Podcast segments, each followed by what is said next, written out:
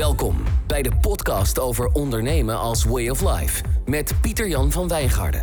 Geniet van de inspiratie om iets moois te maken van je werkende leven. Welkom bij Do I Have a Choice. Tof dat je luistert naar deze podcast. In Do I Have a Choice interview ik mensen waarvan ik vind dat ze van ondernemen een way of life maken. Dit is editie nummer 14 en het is alweer een tijdje geleden dat je van mij gehoord hebt. Maar ik ben weer voornemens om de podcast te gaan oppakken en zo'n beetje iedere twee weken een leuk interview met een uh, inspirerende ondernemer. En in ieder geval ondernemer als way of life uh, tegen horen te brengen en tot jou te brengen via de podcast.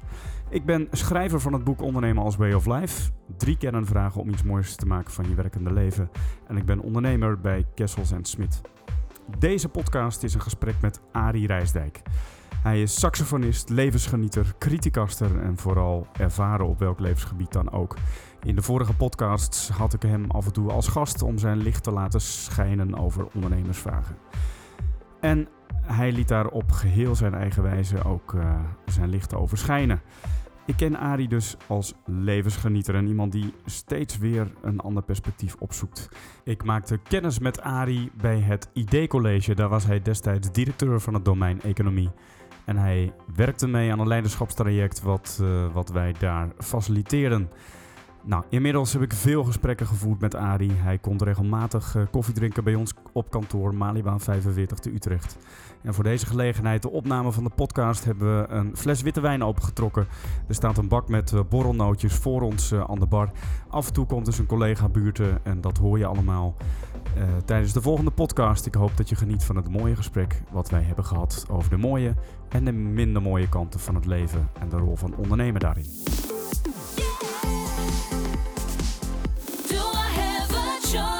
Je moet wel even goed opletten op de snoer en de flessen, want die flessen die, uh, zijn me dierbaar. Lekkere wijn trouwens. Arie Rijsdijk, uh, welkom. Uh. Okay. Wij spreken elkaar vaker op de Malibaan. Eigenlijk vaste prik, want wij ontmoeten elkaar hier nou, eens in de maand, eens in de twee maanden. En dan praten we over alle goede dingen van het leven.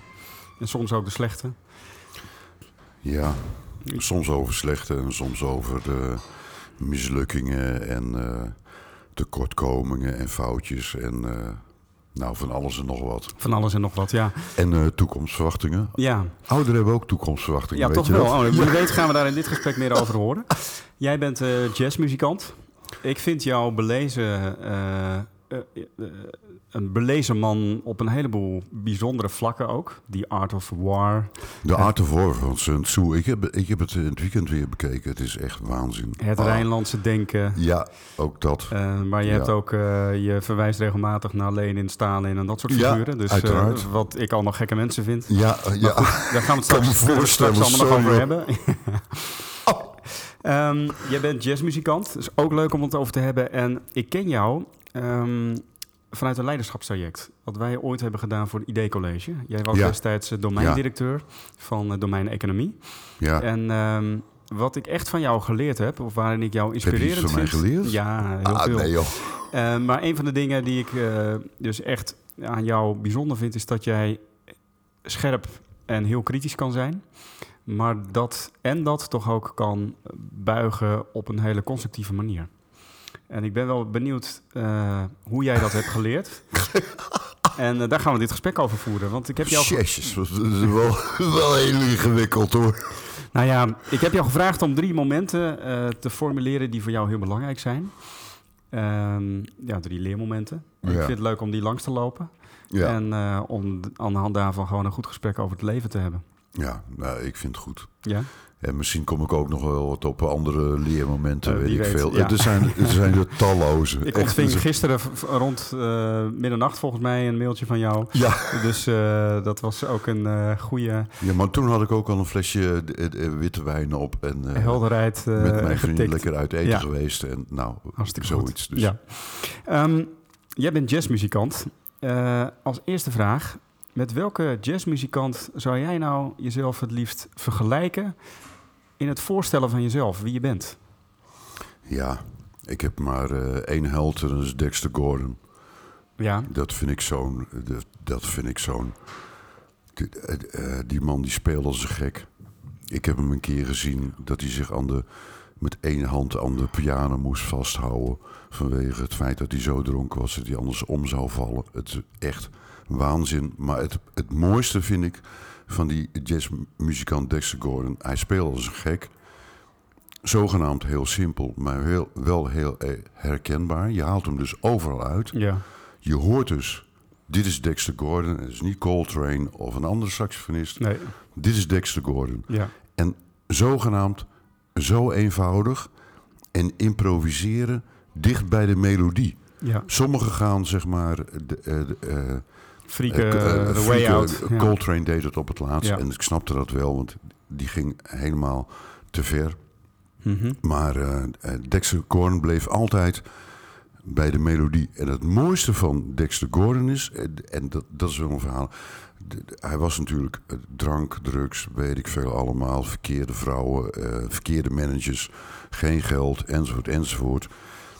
Dus die man was in een bejaardenhuis terechtgekomen. Ja. En die zat daar Mhm. in een stoel. Mhm. Toen kwam eh, Bertrand Tavernier kwam Mhm. uit Frankrijk. En die zei van, ik wil een film met jou maken. Toen heeft hij die man uit het bejaardenhuis gesleept. Hij had al twee of drie jaar geen tenorsaxofoon meer gespeeld. Zo.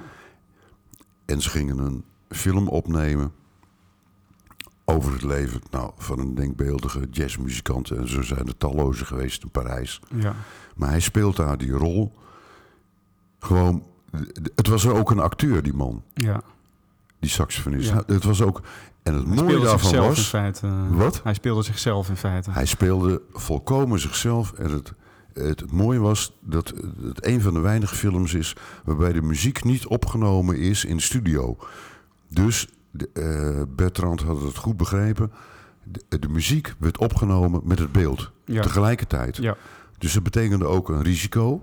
Want Dexter had eh, twee, drie jaar niet meer gespeeld. Nee. Maar had wel waanzinnige muzikanten eh, ingehuurd eh, om, om eh, hem eh, te begeleiden. Ja. En de mooiste scène uit de film is, en ja, eh, altijd drank en vrouwen natuurlijk. Hij staat in Parijs aan een bar waar hij in een achteraf café moet optreden. Ja. Hij staat tweede rang. Dus er zitten mensen aan de bar. En die zitten te drinken en hij staat daar. En hij staat daar een beetje verloren. Want eh, die mensen zijn bezig en die barman is bezig en weet ik veel allemaal. En de lazen straalt dus één voor hem, dus op jouw plaats. Ja. De lazen straalt van zijn barkruk af. Ja. Dan zet hij één stap naar voren, naar die lege plaats. En dan zegt hij tegen die barkeeper... For me the same, please. Dat is toch een waanzinnig Ja, dat, verhaal. dat is eh, echt een waanzinnig verhaal. Je vertelt het ook mooi. dat kun jij ook heel goed. Ehm, ik ben wel benieuwd, wat- zegt dat over jou, over wie jij bent? Dat je deze vergelijking ook maakt? Ja, nou kijk. ehm, ik ga het één keer zeggen, daarna niet meer. Ik ben wat ouder, maar tussen mijn oren ben ik nog 18. Dus er spelen twee dingen. De, de fysieke leeftijd en wat je tussen, de, eh, tussen eh, je oren speelt. En ehm, eh, de- ik heb altijd het gevoel gehouden dat ik een, een qua jongen ben, was, ben en nog steeds ben. Ja. En dat ik ehm, bijna eh, eh, mijn hele leven op het randje heb gelopen van... val ik de goede kant op, word ik iets? Ja. Ehm, of val ik de slechte kant op en kom ik in de goot? Ja. En dat is heel raar, maar ik heb ook wel eens tegen iemand gezegd van... nou ja, goed, dan ga ik eh, in een doos onder de brug slapen. Het zal maar een zorg zijn. Ja. En ik heb daar altijd rekening mee gehouden dat het twee kanten op kan. Ja. En dat is heel raar. Ja. Dus je bent een soort rebel? Kan je dat zo zeggen? Of? Ja, nou ja, rebel. Qua Eh, jongen, de- ja. In de jaren zestig opgevoed, re- rebel, rebel, ja. Ik was een aanhanger van eh, Lenin, Stalin. En ik vond het ook nog goed dat Stalin, zeg maar... eh, de, de, de halve bevolking van de Sovjet-Unie over de kling joeg om, om de landbouw te hervormen, weet je. De- de- Ja. Dus je maakt de allerlei rare vergissingen in, in, in, in hoe je dingen beoordeelt Ja. vanuit bepaalde principes. Ja, maar wat ik dan hoorde ook het verhaal wat je vertelt over Dexter Gordon, is dat je eigenlijk is het, het moment dat hij zeg maar eh for me the same please, dat, dat is ook een soort kwajongen. Of dat is een soort van Ja, maar, ook aangetrokken, ja, maar ook je aangetrokken voelen do- eh, voor, eh, tot, tot de rand. of de, tot de rand. Ja, ja, Tot de rand. ja, Zo hou ik ook van schrijvers die op de rand zitten. ja. De, eh, de, Ja. eh, En dat brengt zich enorme mee dat je er soms overheen gaat. Bukowski, Ja. weet je. eh, Ja. Nou ja, ik weet niet of iemand nog weet wie Charles Bukowski is. Ja, Maar goed, ja, was ook zo iemand die over de rand ging. Die, die ging naar het ziekenhuis en dan zei de arts tegen hem, je mag niet meer drinken. nee. Dus Want jij leeft op de, op de rand van, van gezelschappen misschien ook? Van, en soms ga je er overheen? Of hoe, hoe, dat is dan de consequentie? Is dat... Nou, nee. De, de- de- die heb ik nooit opgezocht. Nee. Ik heb altijd geprobeerd om daarvan af te blijven. Ja. Daarvan weg te blijven. En waarschijnlijk heeft dat mij behoed. Dus niet de rand van het sociale contact. Nee. Maar wel de nee, rand van. dat heb ik niet opgezocht. Maar wel in mijn hoofd. Of, maar wel ja, mijn hoofd. Ja, dat is heel iets anders. ja. Nee, ja, toen ik jong was, ik studeerde me echt eh, drie slagen in de rond. Mijn eerste vriendin ging er vandoor. Omdat ik nooit iets zei, alleen maar in de boeken zat tot s'nachts Te drie veel uur. boeken las. Jezus. Die dacht van, die moet ik niet hebben. ja. Toen was het klaar. En Arie, je hebt, je hebt lang gewerkt voor ID College. En ook op andere plekken. Eh, wil je daar iets over zeggen? Ja, In wil je dat? hoeverre- Dus vind je Ja. het belangrijk om dat te noemen? Of? Ja, ik weet. Ja, ik heb er 30 jaar gewerkt. Dus dit is wel een, een hele belangrijke periode geweest natuurlijk in mijn leven. Ja. En daar heb ik heel veel meegemaakt en heel veel geleerd en heel veel opgestoken. Ja.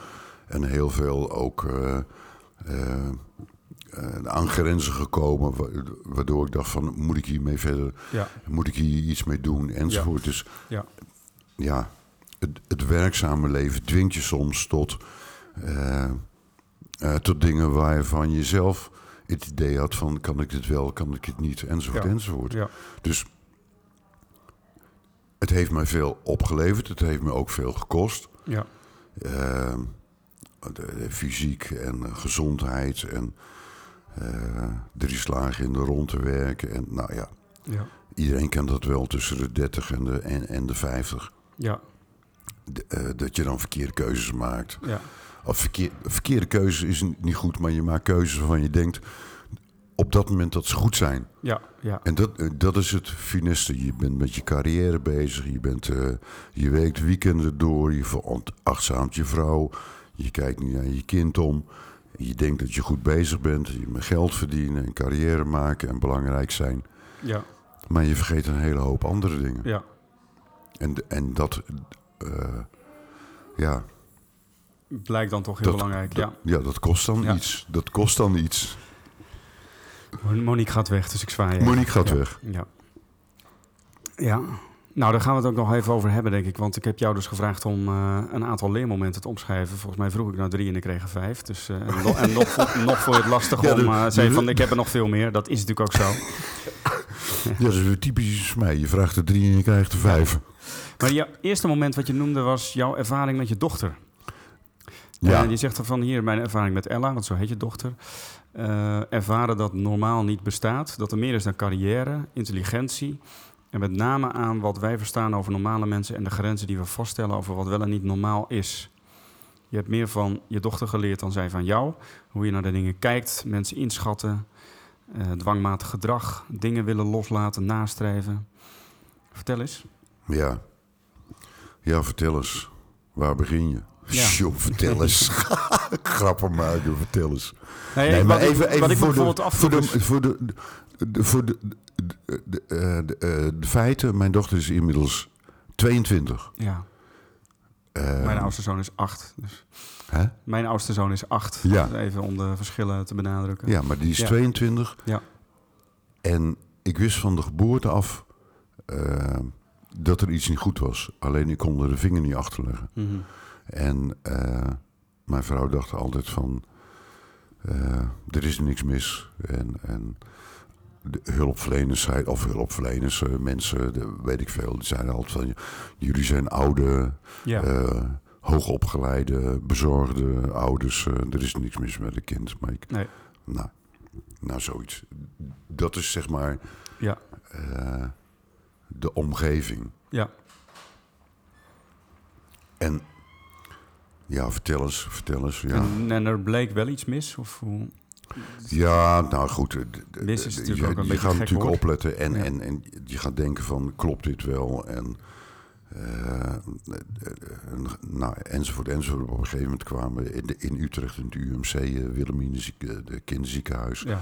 beste mensen, de universitair enzovoort. Eh, ja, en die gingen een half jaar een onderzoek eh, doen met eh, studenten en professoren en achteruit en laten spelen. In interviews met de ouders. Ik zat daar elke week met, eh, met mijn ex-vrouw. Ja, en op de morgen, dat zijn van die dingen die je herinnert als de dag van gisteren. De, de, ehm, de, op de morgen dat wij dat rapport gingen halen Mhm. over Ella. Over het instappen over het dak. Je kent het wel. Je gaat met je vrouw stap je in de auto. En Ja. jij stapt aan de, en de- je vrouw aan de andere kant. En Ja. je kijkt elkaar aan over Ja. het dak van de auto. Hè? Ja. Je doet de deur open en je kijkt elkaar aan over het dak van de auto. Ja. En de, eh, mijn toenmalige vrouw zei toen van, van... Misschien is er wel helemaal niks aan de hand. Hm. Ik zei, nou vergeet het maar. Hm. Vergeet het maar. Zo'n moment dat je elkaar in de Echt ogen niet. kijkt. Ja. Ja. Misschien, nou, dat bleek ook, nou ja, ja. autistisch, eh, autistisch spectrum, lichtverstandelijk gehandicapt, IQ onder de 70. Eh, kan niet eh, lezen, kan niet, gaan ze ook nooit leren tellen. ja.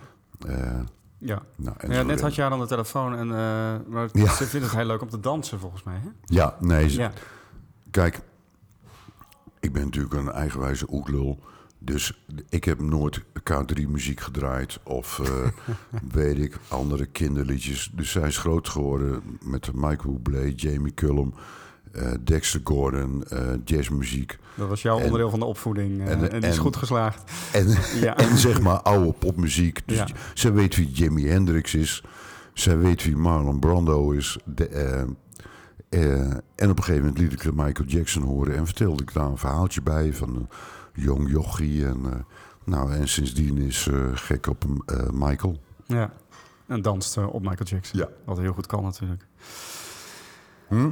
En je zegt ook... Maar dat was nog niet helemaal je vraag, hè? Want, Nee, het vraag was eigenlijk van, want je zegt ook, ik heb van haar veel meer geleerd dan zij van mij. En ik ontdekte eigenlijk door haar dat het dat normaal niet bestaat. Ja, En dat is natuurlijk in onze maatschappij gaat het over, je bent normaal. Of je, en je wijkt er vanaf van de onderkant of de bovenkant. Dat is Ja. natuurlijk eigenlijk heel gek. ja. Ja, de- en de- wat ik me afvroeg is van, was het daarvoor dan anders? ja dus- daarvoor was het wel degelijk anders. Want, Want, want, de- eh, daarvoor- als je vertelt over Stalin en, en je, was je nogal sociaal bevlogen volgens mij, als ik het zo hoor. Dan kan ik me ook voorstellen dat je ook op dat moment al opkwam voor eh, de minderheid of de, de armsten in de samenleving. Of, maar er is wat jou betreft wel echt iets gebeurd in de geboorte van je dochter als het gaat om dit punt, begrijp ik. Ja. Ja, dat klopt. Of was het een bevestiging van wat er al was of zo? Of werd iets groter wat al in jou zat? Hoe zat dat? Ja, dat, dat is een goede vraag. Dat is, dat, dat is natuurlijk nog maar de vraag. Ehm, dat, is, een goede vraag. Daar heb, daar heb ik niet zo 1, 2, een antwoord op. Nee. Het is wel zo. eh, de, de, opgegroeid in een arbeidersmilieu en links. En mijn opa was eh, eh, als vakbondslid en rood. En werd uit een dorp ge- gedonderd omdat ze nou allemaal protestants-christelijk waren. En werkte in een staalfabriek. Nou, enzovoort, enzovoort. Allemaal verder. Dus ik had een, ik had een, een, een rode eh, achtergrond. En Ja. ik wilde de wereld veranderen. Ja, En de wereld veranderen betekent ook eh, niet goedschiks dan kwaadschiks. ja. Dus eh, ik vond het helemaal niet verwonderlijk Om eh, daar ook af en toe wat geweld bij te gebruiken of wat dat, dan ook. eh, Nee. dat daar geweld eh, aan Nee. te pas zou komen. Nee. Of dat daar eh, mensen die niet willen, eh, dan maar, eh, eh, nou enzovoort. Ja. Daar had ik geen enkel probleem mee. Nee, nee, Geen enkel. nee. En nu kijk je er anders naar? Of? Ja, ik kijk daar nu wel anders naar. Dan. Nou, het is interessant. Nou, tot op zekere hoogte, maar goed. ik las de biografie van Nelson Mandela. En uh, het wordt natuurlijk gezien als een, als een soort pacifistische veranderaar. Maar die schuwde je natuurlijk in zijn tijd ook niet voor. Echt niet. Uh, want hij zei van, dat waar ik voor strijd, strijd is zo belangrijk. Is zo belangrijk. En daar, ja. uh, en daar mogen en, wat slachtoffers nou, bij vallen. Als de tegenpartij ook geweld gebruikt, dan doe ik dat ook. Het was ja. overigens niet in eerste instantie gericht op mensen. Dus de bomaanslagen en zo, die, hij, die zij plande, die, uh, die waren gericht op energiecentrales en dat soort ja. uh, plekken. Ja, ja de, de, de, ik ben ook altijd.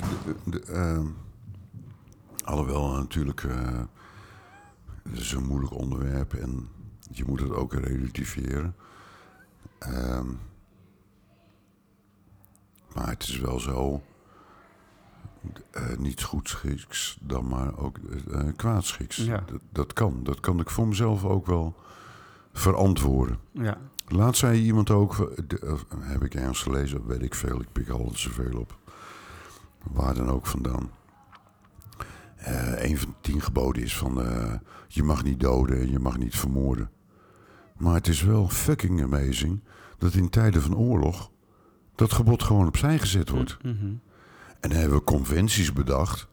Ja, maar het principe, over. Maar, Ja. maar Ja. het principe blijft hetzelfde. Ja. ja, ik las ooit in een boek van Selma Rushdie... De, de, het kwaad, zeg maar, of het, de perversiteit is onbegrensd, hè? En de, morali de moraliteit heeft een grens wat dat betreft. Dus ja, de moraliteit kunt, dus heeft een grens. De, de, de perversiteit, Echt. ja, je kunt het zo gek niet bedenken. En soms zie je weer een serie en denk hoe bedenk je dit? En dan is dit echt uh, waarschijnlijk ook al wel gebeurd.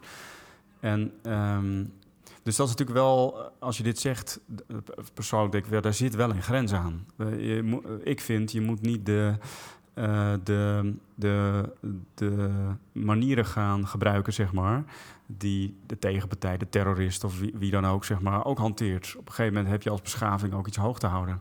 Hoe zie jij dat?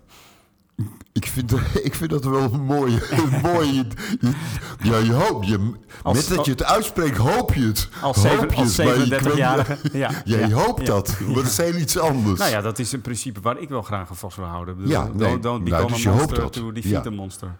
Ja. Ja. dat hoop ik zeker. En eh, ik hoop ook dat ik daar zelf van voel. Nee, nee, maar en- dat is op sommige momenten Ja. best heel lastig. Ja, Ja, nee, maar, maar de, De realiteit is ik anders, zeg zeg dat jij. niet voor niks. Nee. Dit is een, ook een hoop van mensen. ja, En een geloof van mensen. Ja. En daar is helemaal niks mis mee. Dat is heel goed. ja. Dat je dat hoopt en dat je daar zelf naar streeft en dat je dat wil. Dat is heel goed. Maar aan de andere kant weet je ook dat in tal van situaties dingen gewoon die principes zijn of die mensen eh, hoog achten eh, in tijden van nood zomaar aan de kant geschoven worden. Ja, ja, met het grootste gemak. Ik weet niet of je ooit wat gestolen hebt. Maar op het moment dat er een orkaan uitbreekt en alles aan kloten is. Ja, ja tuurlijk. Dan, dan komen dat soort dingen tegenover elkaar te staan. Nee, niet ja. natuurlijk. Ja, Maar dan kom je ook in een soort dilemma Ja. te zitten. ja, Ik heb niks meer te vreten, ik heb drie kinderen. En wat moet ik nou? ja. Het is ook wel makkelijk om dat te roepen dan, hè? Ja, Gij zult niet stelen. Ja ga Ja, zult niet stelen. En wat betekent En- in onze maatschappij? en dan is het belangrijk vleet, voor- denk ik. Ja, en dan is het belangrijk voor jezelf om, om zeg maar dan niet te gaan moraliseren en zeggen van, gij zult niet stelen. Dus die mensen in die orkaan aan, of in Haiti of Sint Maarten, dat zijn foute mensen. Nee, helemaal niet.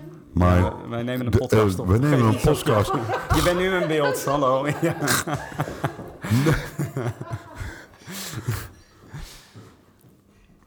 Ja, terug Nee, naar... maar dan, maar dan, is, dan is het zaak Ja, om ook voor jezelf de, de- eh, te denken van... ben ik hier nou moraliserend bezig? En wat zou ik zelf in die situatie doen? ja, ja, dat Met kun je bijna drie- niet bedenken Met mijn drie hè? kinderen. Maar. Dat kun je niet bedenken. Nee. Maar het is wel snel gezegd van... ga zul die stelen en die mensen dan veroordelen... die eh, eh, zeg maar een zak chips, pardon... of een, eh, de, de, de- of een bloemkool, pardon...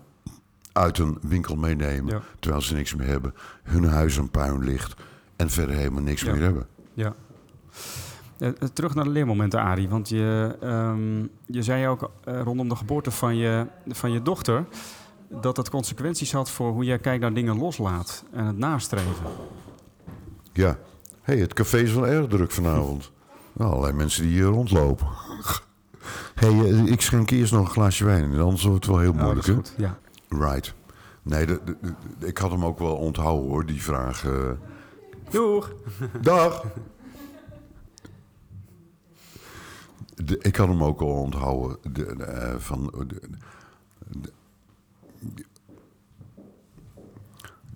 je krijgt plotseling een hele andere kijk op, eh, eh, ehm, op wat normaal is en wat niet normaal is. Als je eh, geconfronteerd wordt met een, een, een kind wat zeg maar heel anders is.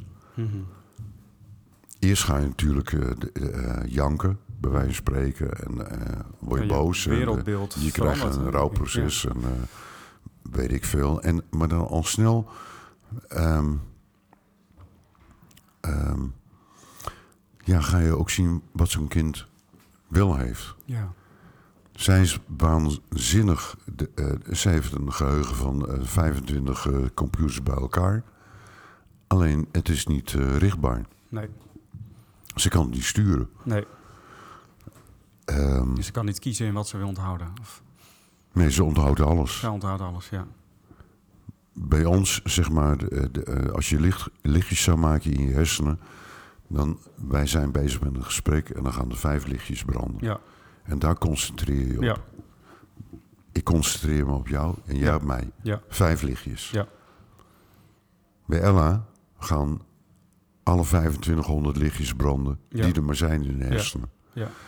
Dus zij is de hele dag bezig met het verwerken van Ja. Haar indrukken en... eh, ja. omgeving. En dat komt allemaal even hard binnen. Ja. Ja. Maar nou vertel je ook en- dat...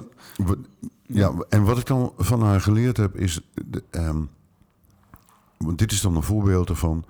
dat ik herkende natuurlijk ook- heel veel van mezelf en haar. Ja. Dwangmatige dingen Ja. die ik zelf al had. Ja. Maar bij haar uitvergroot zijn. Ja. ehm, dingen onthouden. Ja. eh, keuze van muziek. Dan kun je zeggen, dat heb je er zelf ingedouwd. Ehm, maar ook slimheid. Ja. Ik herkende Ja. allerlei dingen bij haar. Ja. Ja, Dus ze Die- was ook een soort spiegel voor jou. absoluut. Ja. En wat had dat voor consequenties voor dingen nastreven of doelen stellen? Want daar, daar- je zegt van ehm, eh, mensen inschatten, dwangmatig gedrag, dingen willen loslaten, nastreven. Of, dus dat heeft ook te maken met, het, met dingen continu onthouden. Eh, ik dacht even namelijk te lezen van door de geboorte van mijn dochter werd ook mijn, mijn verwachting over het leven anders. Of de doelen die ik mezelf stelde in het leven. Ja, natuurlijk weer mijn als- als verwachting van mijn als leven. ondernemer stellen we continu doelen, zeg Ja. maar. Hè? Dus daarom was ik daar even door getriggerd. Ja. Ja. Dus het is ook een wending in een soort van ja, eigen beeld wat je hebt of zo. ja, nou, kijk, een doel stellen is niet erg. De, als je maar in staat bent om ook eh, de, de, de doel bij te stellen. Ja, Zoiets. ja, En je kan plannen zoveel als je wil. ja, En strategisch denken zoveel als je wil. ja, Maar ik kom er zo langzamerhand ook achter. ja. Dat als je het gewoon loslaat, dat dingen soms zich vanzelf oplossen. Ja. Niet alles hoor. Dat het veel makkelijker gaat. Niet Ja. alles. Nee, Maar eh, je, je kan tot het on- het oneindige plannen, maar dat gaat niet lukken. nee, En eh, eh, ehm, als Ella eh, bij mij is, en daar heb ik minstens wel een jaar over gedaan, of misschien wel langer, ehm, dat ik niks wil. Dus zij is drie, vier dagen bij mij dat je dan gewoon en dan wil ik niks. compleet je dagprogramma loslaat of wat dan ook. Dat je gewoon... Ik wil helemaal niks. Nee, Dus als zij 25 keer het toilet doortrekt, dat is dwangmatig, dat doet ze echt. ja, eh, dan ga ik niet tegen haar zeggen van, dat mag je niet doen. nee, Of dat kost water, ja, of eh, wat voor ander kul argument dan ook. nee, Dan laat ik haar dat gewoon doen. ja, Als hij s'nachts drie keer naar het toilet gaat, dan spreek ik wel met haar af van... Moet luisteren, we gaan één keer. En daarna niet meer. Maar de hele dagindeling heb ik geen agenda nee, en geen doel. nee, Ik ontbijt, ik Ja. laat het gebeuren. Ella gaat in bad, ja, één uur of twee uur, dat laat ik gebeuren. eh, we doen happy hour, dan ga ik koken. Ik laat het allemaal gebeuren Ja, zonder dat ik het plan. zonder een planning of een doel of wat dan ook. Ja. En dat levert eigenlijk de hele mooie momenten op. En dat levert prachtige momenten op. Top. Dat is wel heel mooi dat je dat eh, ook zo met elkaar kunt doen. Ja. Hey, Maar dat heeft wel lang geduurd hoor. Ja, dat geloof ik, ja. ja. ja, daar gaat een leven overheen. Ik merk het zelf als, als, ik als ik met mijn kinderen ben, dan hoe makkelijk het is om met je telefoon en met je computer en dat er van alles moet. En, eh, Echt niet? Zonde, hè? Ik zet mijn telefoon uit. Ja, Echt, hele dag met Ella. Ik zet mijn telefoon uit. Ik zet Disney XD, dat zijn alleen maar tekenfilms aan. En ik ga met haar gewoon, zonder dat ik erover nadenk, kijken naar Disney XD, tekenfilms. gewoon doen wat Ik vind waar je op dat moment zin in hebt. Ja. Ik vind het goed. Ja. Hey, je, tweede moment zeg je van... eh, leermoment gaat over het idee dat je zelf verantwoordelijk bent. Dat je niemand of niets een schuld kan geven. Je bent zelf verantwoordelijk voor alle leuke fouten, misstappen, verkeerde beslissingen... slash, slash, slash in je leven. Eh, dat is eigenlijk niet de aanleiding van iets, zeg je... maar een besef dat langzaam groeit. Maar wel iets dat je helpt om geen boze Nederlander te zijn. Ja, Dus dat is gaandeweg in jouw leven is dit in Ja. zich gegroeid. Ja. Eh, je, dus, en en is, dat, is dat ergens in je opvoeding al begonnen of zo? Dat je hebt meegekregen van zelfverantwoordelijkheid nemen. Je kunt zelf iets betekenen in de wereld. Ehm, iets van ja wereldverbeteraar. Ja, Ja, nou ja, zelf goed, wereldverbeteraar had ik mezelf al aangemeten. De, de, eh, na verloop van tijd. Ehm, de, eh, maar mijn ouders de, eh, wilden ook niks van mij. Ja, Dus die gingen niet roepen van je moet naar HBS of naar de universiteit of Nee. je moet dit of je moet dat. Die wilden niks van mij. Dus ik kon al heel vroeg het gewoon zelf uitzoeken. ja, was echt Dat- de, dat is ook niet- wat dat betreft. Ja, eh, is ja. Ook, ja dat is Ja. ook niet altijd leuk overigens, Nee, om eerlijk te zijn. Nee. Maar ik eh, de, eh, kon zelf... de- de- de- dus ik, ik kwam er heel snel achter dat als ik dit deed, dat dat, dat opleverde. En Ja. dat het mijn eigen schuld was. ja, En als ik die niet deed, ja. dat het ook niet iets anders ja. opleverde. Dus je ervaarde heel vroeg al de consequenties van je eigen gedrag. Ja, Ja. Ja, en ja en- misschien niet zo bewust toen, Nee, maar de, de, eh, later wel. Ik, ik, ik, kijk, ik had één doel, eh, maar dat realiseerde ik me later pas. Ik moest en zou eh, van de familie als eerste op de universiteit terechtkomen. Hm. Daar heb ik alles aan gedaan. dat was een soort Omdat- onbewust streven. Ja, ja. daar kwam ik later pas Dat is ook achter. gelukt, geloof ik, hè? Hè? Dat is ook gelukt. Ja, al wel, ja. ja. Ja. Zelfs nog gewerkt aan de universiteit, dus ja. Ja. Nee, maar de, de, de- en, en kijk, en dan klinkt weer de oude lullen mij door, want dan ga ik er even over door. Ik ben daar dus in groot geworden en heb dat zoveel mogelijk proberen te doen. Heb nooit iemand anders schuld gegeven. Van welke mislukking dan ook in mijn leven. En dat zijn de talloze hoor. Ja, Daar gaan we nou verder niet op in. Maar Nee. dat zijn de talloze. Ja. Ik, ja, ik kan zo allemaal oplepelen. Maar ik heb nooit iemand anders schuld Nee. gegeven.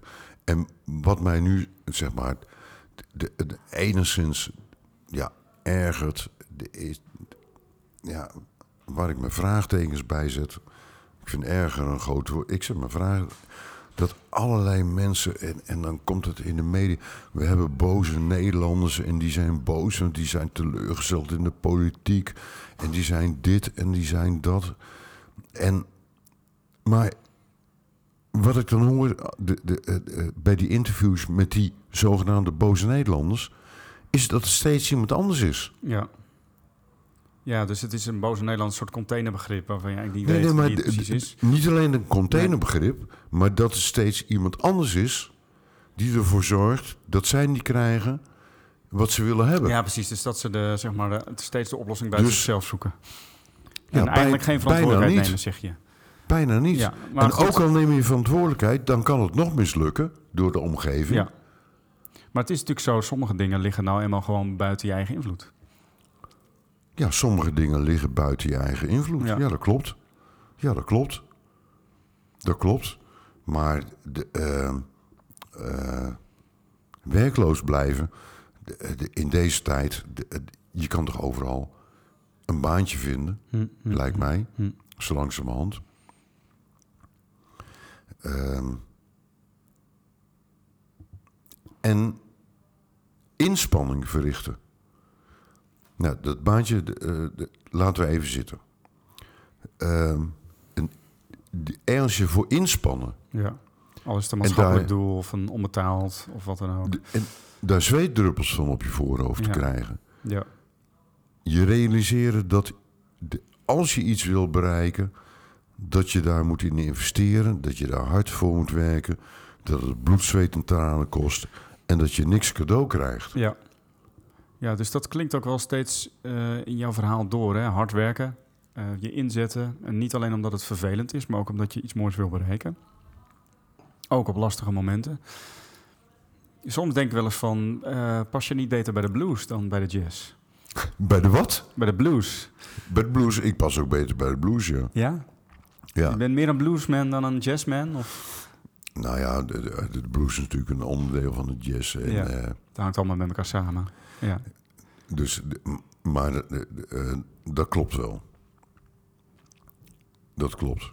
Maar goed, de, de, de, blues, dat is eh, je, je- volgt een bepaald schema van twaalf maanden en je Ja. gaat dan improviseren en dan is het ook ja, jazz. ja Dus precies. het- Ja. Nee, blues als muziek. Ja, ja als muzikaal eh metrum, zeg maar. Maar ik vind, ik vind dat echt. Dat, ehm, als je iets wil leren, dan komt het je niet. Ik had vroeger een vriend. De, ehm, en die speelde ook eh, eh, saxofoon. Mhm. Ehm, de, de, en die ging gewoon iets toeteren, helemaal niks mis mee. Hij vond het hartstikke leuk. Ja, Maar na een jaar zei hij van ja, ik heb geen talent. nee. Want ik kan het niet zo goed als Coltrane en, Ja. Go- en Dexter Gordon en, en, en wie dan ook. Ja, Hij vergat even dat de, al die mensen, al die jazzmuzikanten gewoon 8, 9, 10 uur per dag hebben zitten studeren. ja. Niks anders doen dan toonladders. En, Dat en, vraagt ook gewoon inspanning. Een echt flinke inspanning. Sonny Rollins heeft twee jaar toen Coltrane doodging. De, eh, en toen, de- hij was de kroonprins. En, en werd, zou toen de koning worden omdat Coltrane dood was. Ja, d- eh, toen was hij zo onzeker over zichzelf. Terwijl het, het waanzinnige tenorsaxofonist was. Toen heeft hij twee jaar onder een brug staan toeteren. Zonder publiek. ja. En zo iemand die dan zegt van... Acht uur ik, per dag, ik heb geen talent, dat zegt voor jou ook van... daarmee leg je het eindelijk buiten jezelf. Dus daarmee Moet neem je eigenlijk niet wat mij verantwoordelijkheid betreft, talent bestaat helemaal niet. Nee, nee. Ik, ik vind het de, de, de, ook eh, de, eh, van eh, eh, tegenwoordig moeten we de haaien, de, eh, weet ik veel, talented eh, eh, moeten we stimuleren enzovoort enzovoort. Donder op. Ik, vind het, even- ik vind het onzin. Ik wil Echt even waar. terug naar het moment van eh, het idee dat je zelf verantwoordelijkheid bent of niemand de schuld kan geven. Dus ik wil eigenlijk niet aan jou de vraag stellen wanneer was dit nou het moeilijkst om te doen, want dat hoeven we inderdaad allemaal niet te weten. Maar waar ik, Nou, waar dat ik mag wel, je best weten. waar ik wel Vraag maar. ja, Eh, nou ja, gerelateerd als je het vraagt en ik geef geen antwoord, dan weet dat je het ook. altijd, ja. Dus dan, eh, waar ik benieuwd naar ben, want ehm, eh, veel mensen gaan ondernemen bijvoorbeeld omdat ze ontslagen worden. Ja. En, eh, en dat is iets waarvan ze zeggen van ja, dat, dat, Ja, maar dat is een deel buiten mezelf. Ja, maar En- dat, dat vind ik al een verkeerd. Je gaat ondernemen, niet als je ontslagen wordt, je gaat ondernemen in je werk. Ja, in Daar, ja, daar ja. ga je al ondernemen. Maar- Daar ga je al opkomen voor jezelf. Daar ga je kijken wat je wil.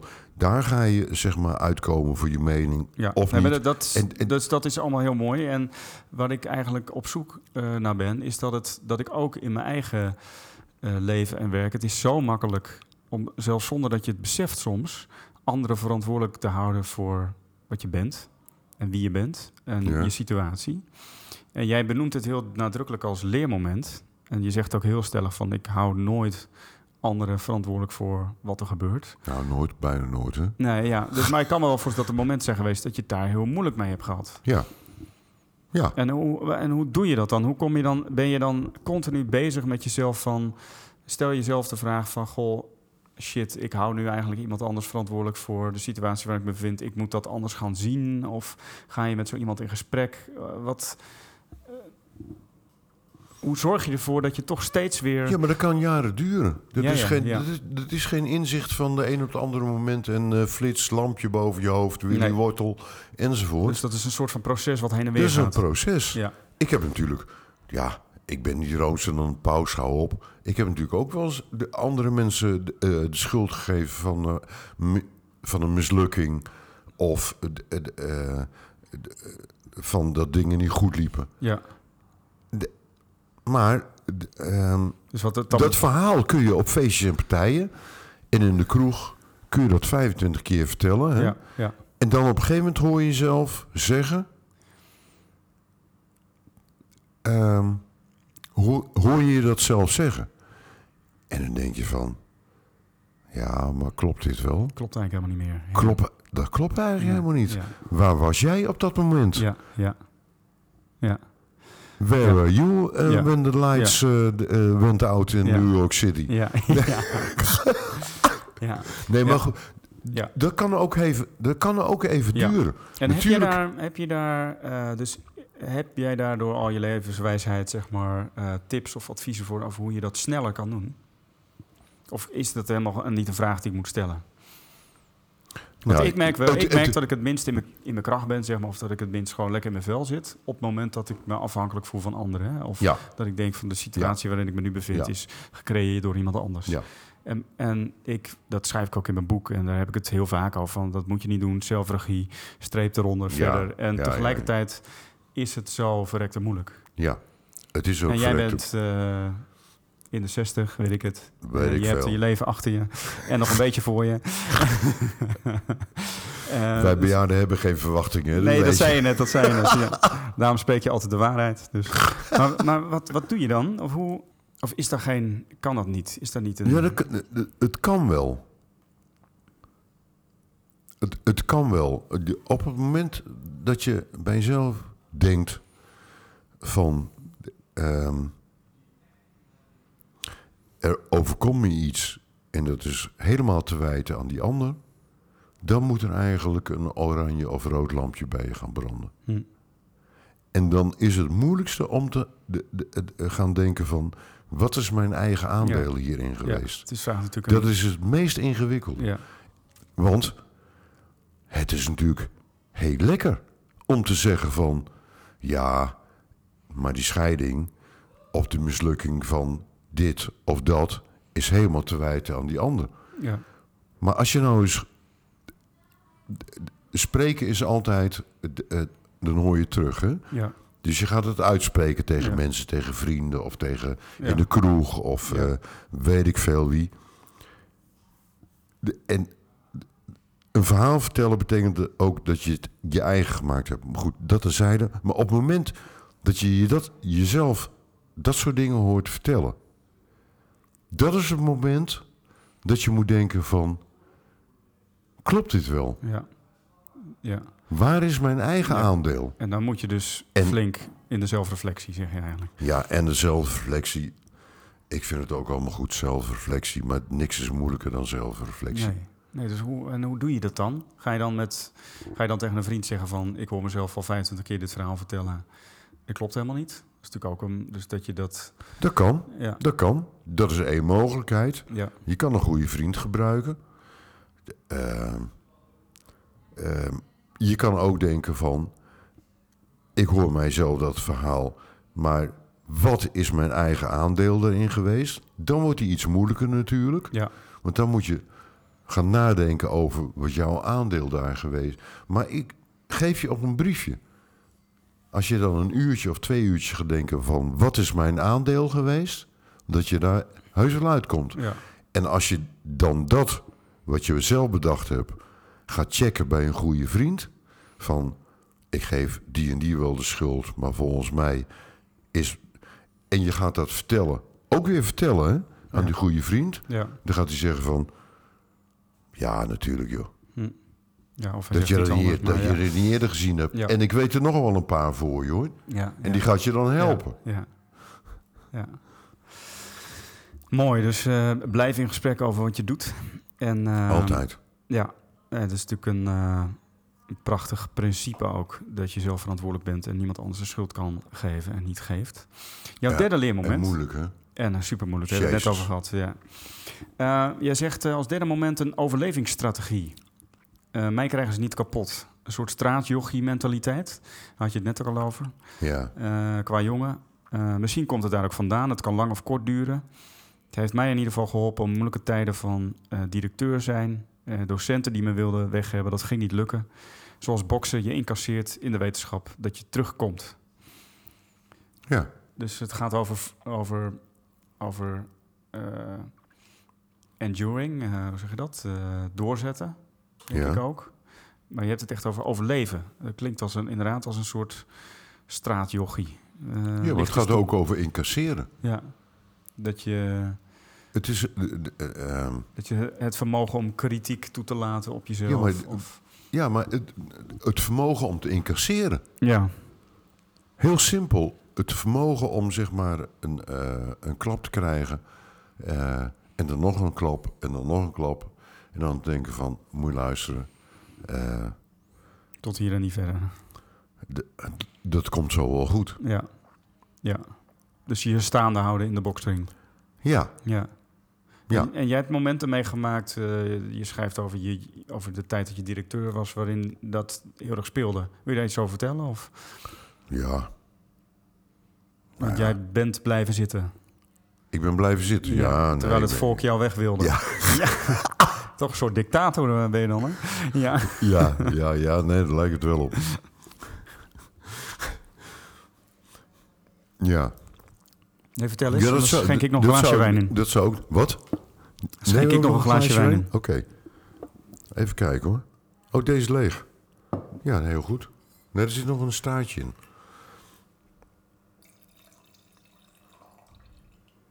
Dat zeg ik ook altijd tegen Ella. Wat hebben we toch goed eigenlijk, hè? Realiseer je wel hoe goed, hoe goed we het hebben? Ja, ik was in Zuid-Afrika vorige week. Daar Ja. realiseer je weer hoe ontzettend goed wij het hebben. Ja, maar veel mensen met de meest eenvoudige dingen die wij hebben. En die, eh, we hebben het zo vreselijk goed. Nou, wat leuk is, als je daar op het vliegveld komt, iedereen lacht.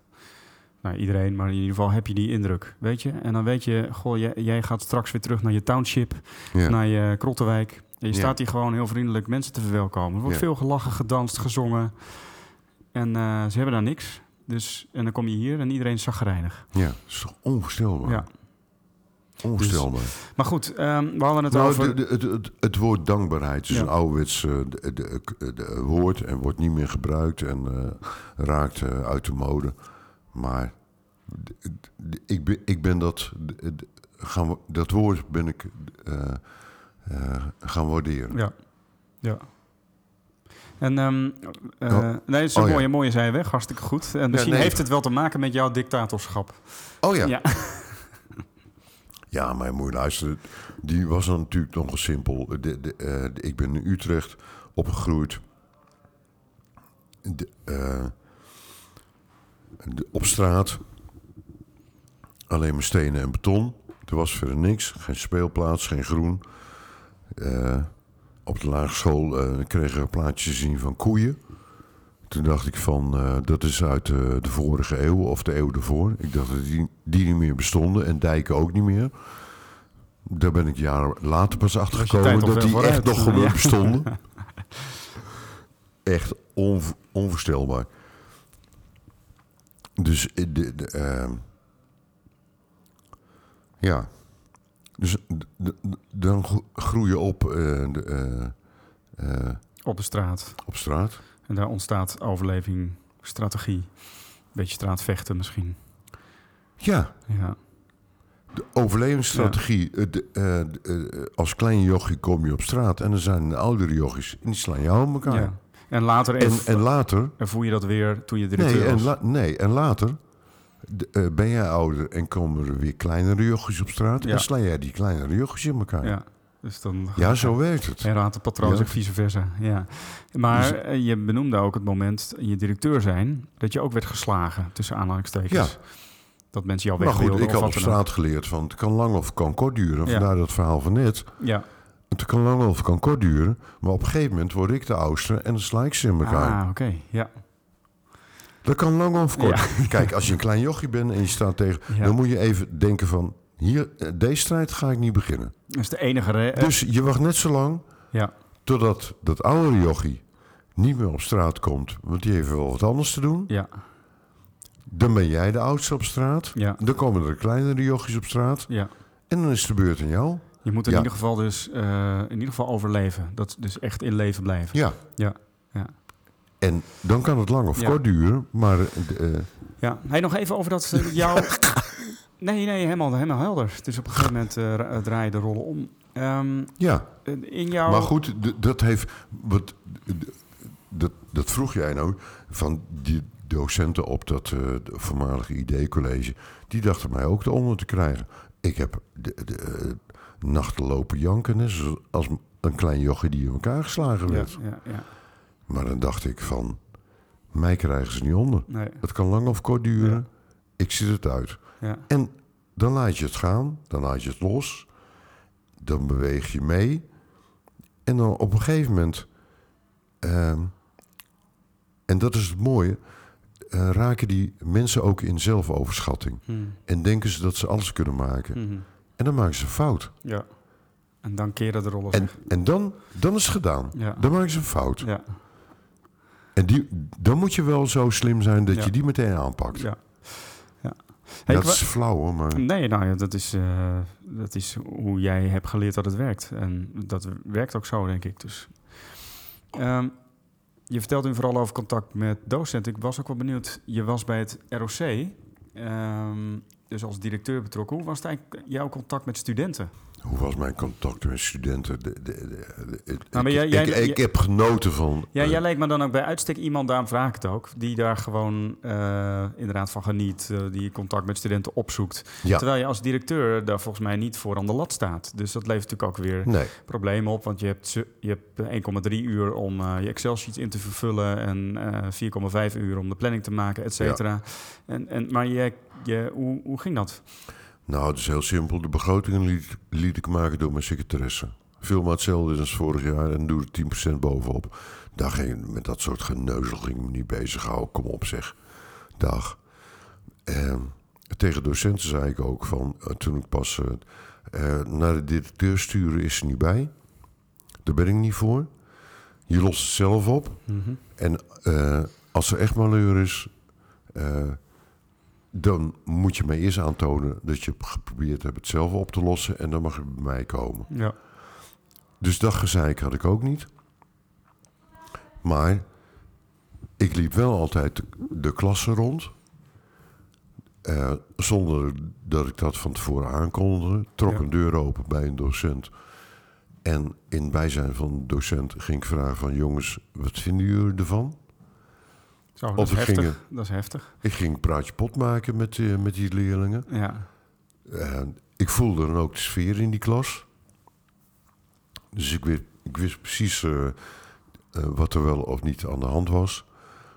En ehm, ja, ik, de- ik had ook de, studenten waar ik een praatje pot mee maakte. ja, Sommigen wel, sommigen niet. ja. Maar de, de, de- altijd mee eh, in gesprek gebleven. ja. ja. Ja, Cool. Ja, dat, ik, ik weet het ook, omdat je een van de dingen die wij ooit hebben gedaan, is dat je me hebt uitgenodigd voor een netwerk van studenten wat ze bij domein economie hadden opgericht. En daar hadden we een soort werkveldbijeenkomst mee. oké. Dat was hartstikke leuk. Daar raakte ik ook in gesprek met, eh, met jouw studenten. Dus, Ja, eh, ja. ja. Ehm, het vierde moment, dat eh, gaat over loslaten en strategie. Dat klinkt loslaten en strategie. Die zet je eigenlijk, combineer Ja. met elkaar. En daarvan zeg je, dat klinkt raar. Het is altijd vooruitdenken en mogelijkheden inschatten, scenario's overwegen, stappen van anderen inschatten en je voorbereiden. En juist daartegenover loslaten. Daar hebben we het net ook even over gehad. Ja. In relatie tot de geboorte van je dochter. Daar kwam je pas later achter, zeg je. Loslaten en laten gaan. En soms vallen dingen vanzelf in elkaar. Het heeft tijd gekost voordat je daarachter kwam dat de combinatie van die twee dingen, dus aan de ene kant Ja. strategie, aan Ja. de andere kant loslaten, heel waardevol zijn. En toen las je dat Einstein dat eigenlijk ook al ontdekt had, of ook al had. Ja? Ja. Zwaartekracht en Ja. nog iets anders. Ja. Vertel eens, waar gaat dit over? Ja, dat is, dat is, die is moeilijk om uit te leggen. De, de, ehm, de, eh, de- ik- ben altijd bezig, de- altijd bezig geweest om dingen te plannen en in strategie te zien. En eh, eh, onder mijn mededirecteuren was ik ook eh, degene die. eh, eh, nou, als Arie één het eh, ding goed kan, is het wel strategisch denken. En dan kwamen ze bij mij, enzovoort, enzovoort.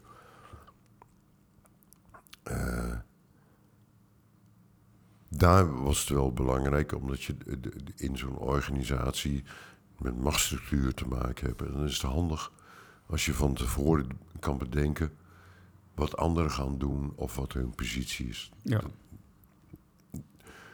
Dat is wel handig. Maar in de loop van de jaren, ook door Ella, ben ik erachter gekomen dat... de, ehm, ook als je dingen gewoon loslaat... en ook al heb je ze van zelf eh, eh, eh, van tevoren bedacht... ehm, dat ze soms gewoon vanzelf in elkaar vallen. Hmm. Zonder dat je er iets aan doet. Ja. Maar dat betekent wel dat je ehm, ehm, het moet loslaten. Hmm. En het de ruimte moet geven voor jezelf Mhm. om dat te laten gebeuren. En die is, wel, die is heel moeilijk. Ja. Ja.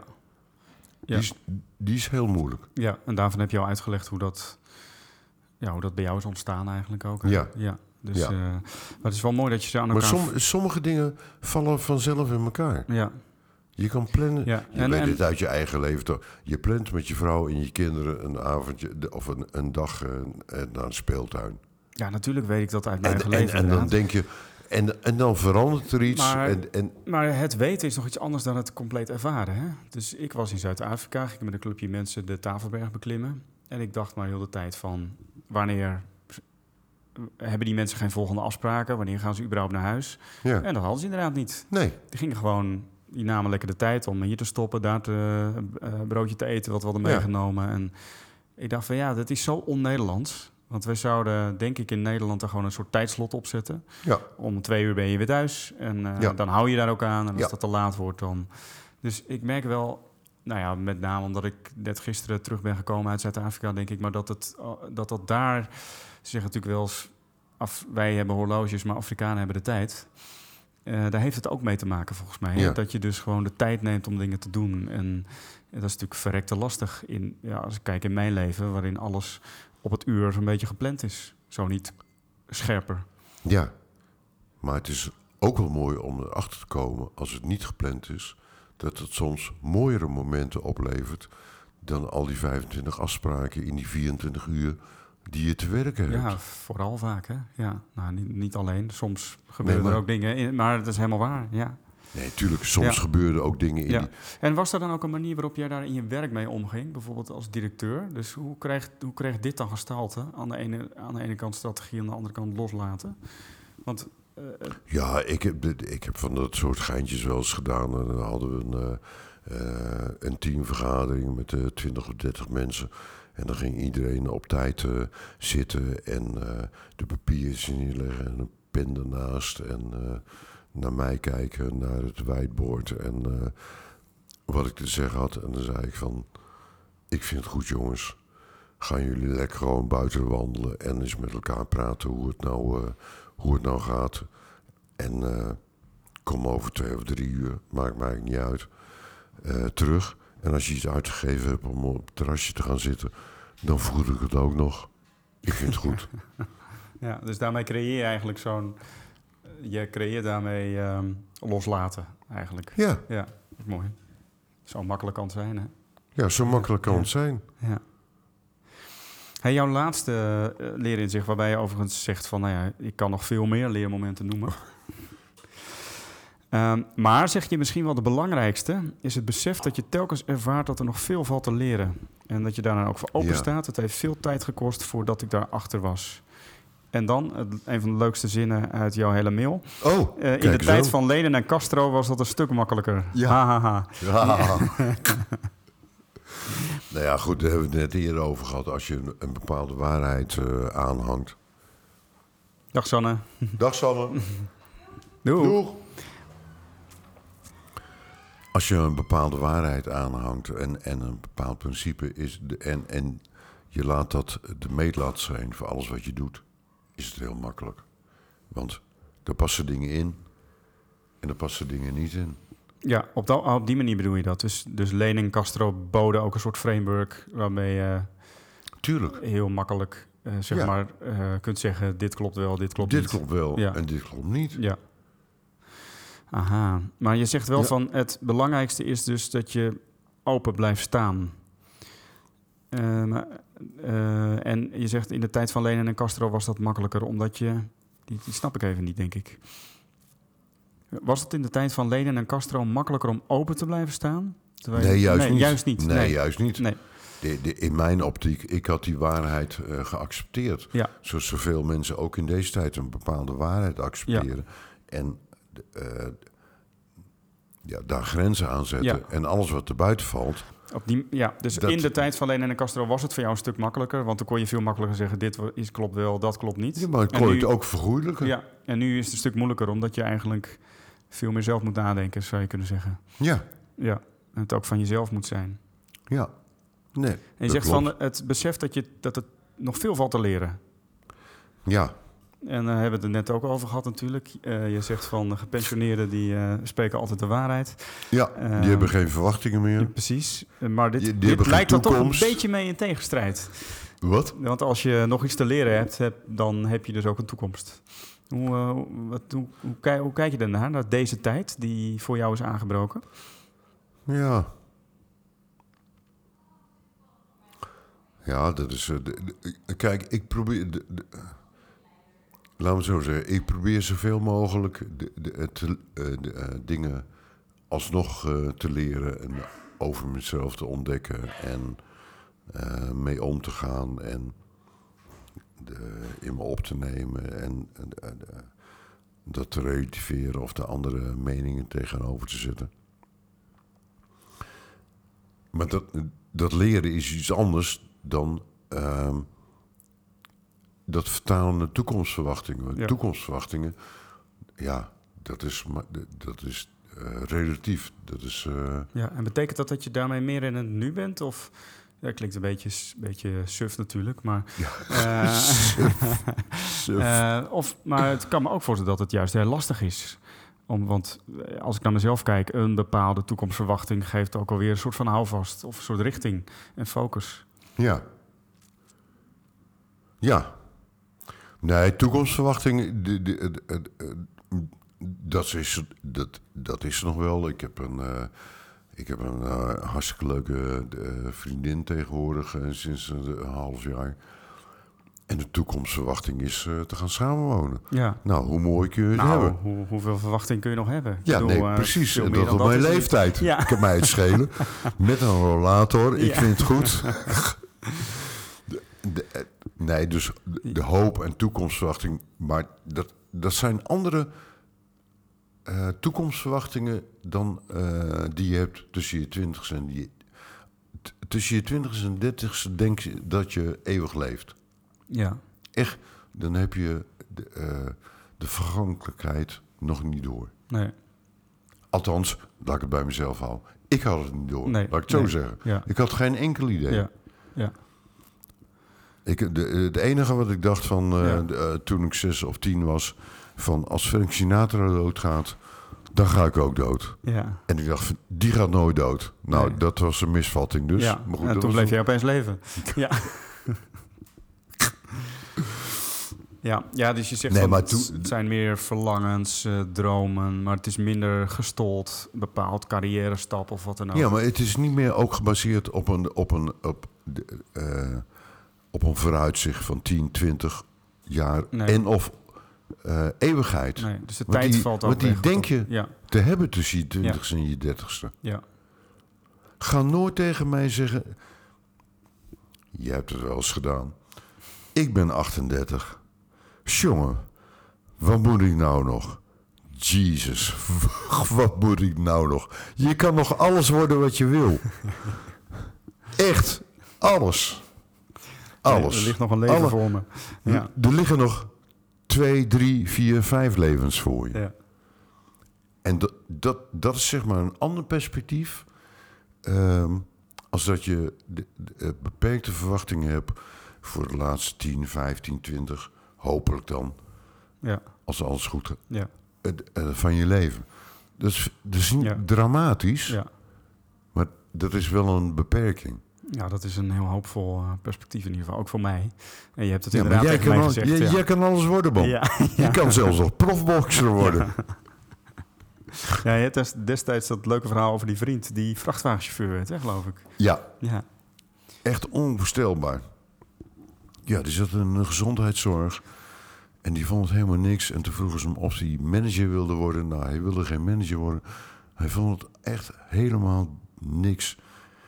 En toen ging de, in zijn achterhoofd... hij wilde altijd eh, vrachtwagenchauffeur en dan door heel Europa. En verdomd, hij nam ontslag. Hij ging twee jaar lang een opleiding doen voor internationaal chauffeur en allerlei diploma's erbij met chemicaliën enzovoort. Hij heeft nog jarenlang heeft hij het enorm naar zijn zin gehad, gewoon als vrachtwagenchauffeur. Geweldig, toch? Ja. Mooi dat vind ik nou echt niet? ondernemen als way of life. Ja, Ja, je dromen achterna vol gaan. Ja. Arie, we gaan een eind aan maken. meen je dat nou? Ja. Ja, aan dit interview toch niet Ja. in zijn algemeenheid hoor. Kom op zeg. Nee, de wijn is nog niet op, dus Ja, hebben oh ja. even. Ehm, zijn er dingen die we gemist hebben? Ontzettend veel waarschijnlijk, maar... Ah die, joh, er zijn, er zijn nog van allerlei dingen die we gemist hebben. Ja. Dus we moeten dit over een paar maanden maar weer eens herhalen, vind je niet? Lijkt me wel. Ja. Lijkt me wel. Er zijn nog zoveel dingen die we gemist hebben. Ehm, nog één ding. Ehm, mochten mensen meer over jou willen weten of contact met jou zoeken, waar kan dat? Maar dat kan. Ja, heb je een mailadres of een LinkedIn-profiel? Of eh, op welke manier kan men met jou in contact? profiel heb ik wel. LinkedIn, gewoon Arie Rijsdijk. Ja, Rijsdijk met twee keer lange ei. ja. En eh, dat is de, misschien de makkelijkste manier om ja dan Facebook te doe niet aan. Facebook doe je niet aan. Nee, echt Nee. niet. En eh, ja, kijk, ze kunnen mij ook altijd... eh, Jij hebt al mijn gegevens, Ja. mijn mobiele nummer... en mijn gmail.com. Ja. dus Dus, Arie- Arie- mocht je met Arie willen mailen, Nee, dat is- dan neem even contact op met mij via het mailadres pieterjan.ondernemenalswayoflife.com Super, leuk om je te spreken, Ja. Arie. Eh, Ja. We gaan... eh, eh, ik heb nog een klein beetje, ik moet nog rijden, dus ik eh, oh ja, hou het daarbij. Maar ik ben we met schenken jou nog een keer ik bij. Ik ben met Ja. de trein. Thank God. En eh, hartstikke leuk om je te spreken. Dank voor je mooie levenswijsheden. Oké, dankjewel. Do I have a choice? Tof dat je luisterde naar deze podcast met Arie Rijsdijk. En eh, wat is het een mooie vent met ook een hele mooie stem. Ik hoop dat je ervan genoten hebt. Over twee weken staat eh, de volgende podcast online. En daarin ben ik in gesprek met Koert Vrijhof. En Koert heeft iets heel bijzonders gedaan. Hij heeft namelijk een boek geschreven over een prachtig thema. Liefdevol politiek leiderschap. En dat boek heeft hij helemaal in eigen beheer uitgegeven. Hoe ondernemend kun je zi- zijn? Ik spreek met hem natuurlijk over de inhoud van het boek, maar ook met, eh, over hoe hij zeg maar, tijd heeft vrij kunnen maken om dat boek te gaan schrijven. Een eh, heel inspirerend gesprek. Je vindt het vanzelf terug op de website www.ondernemenalswayoflife.com of via iTunes.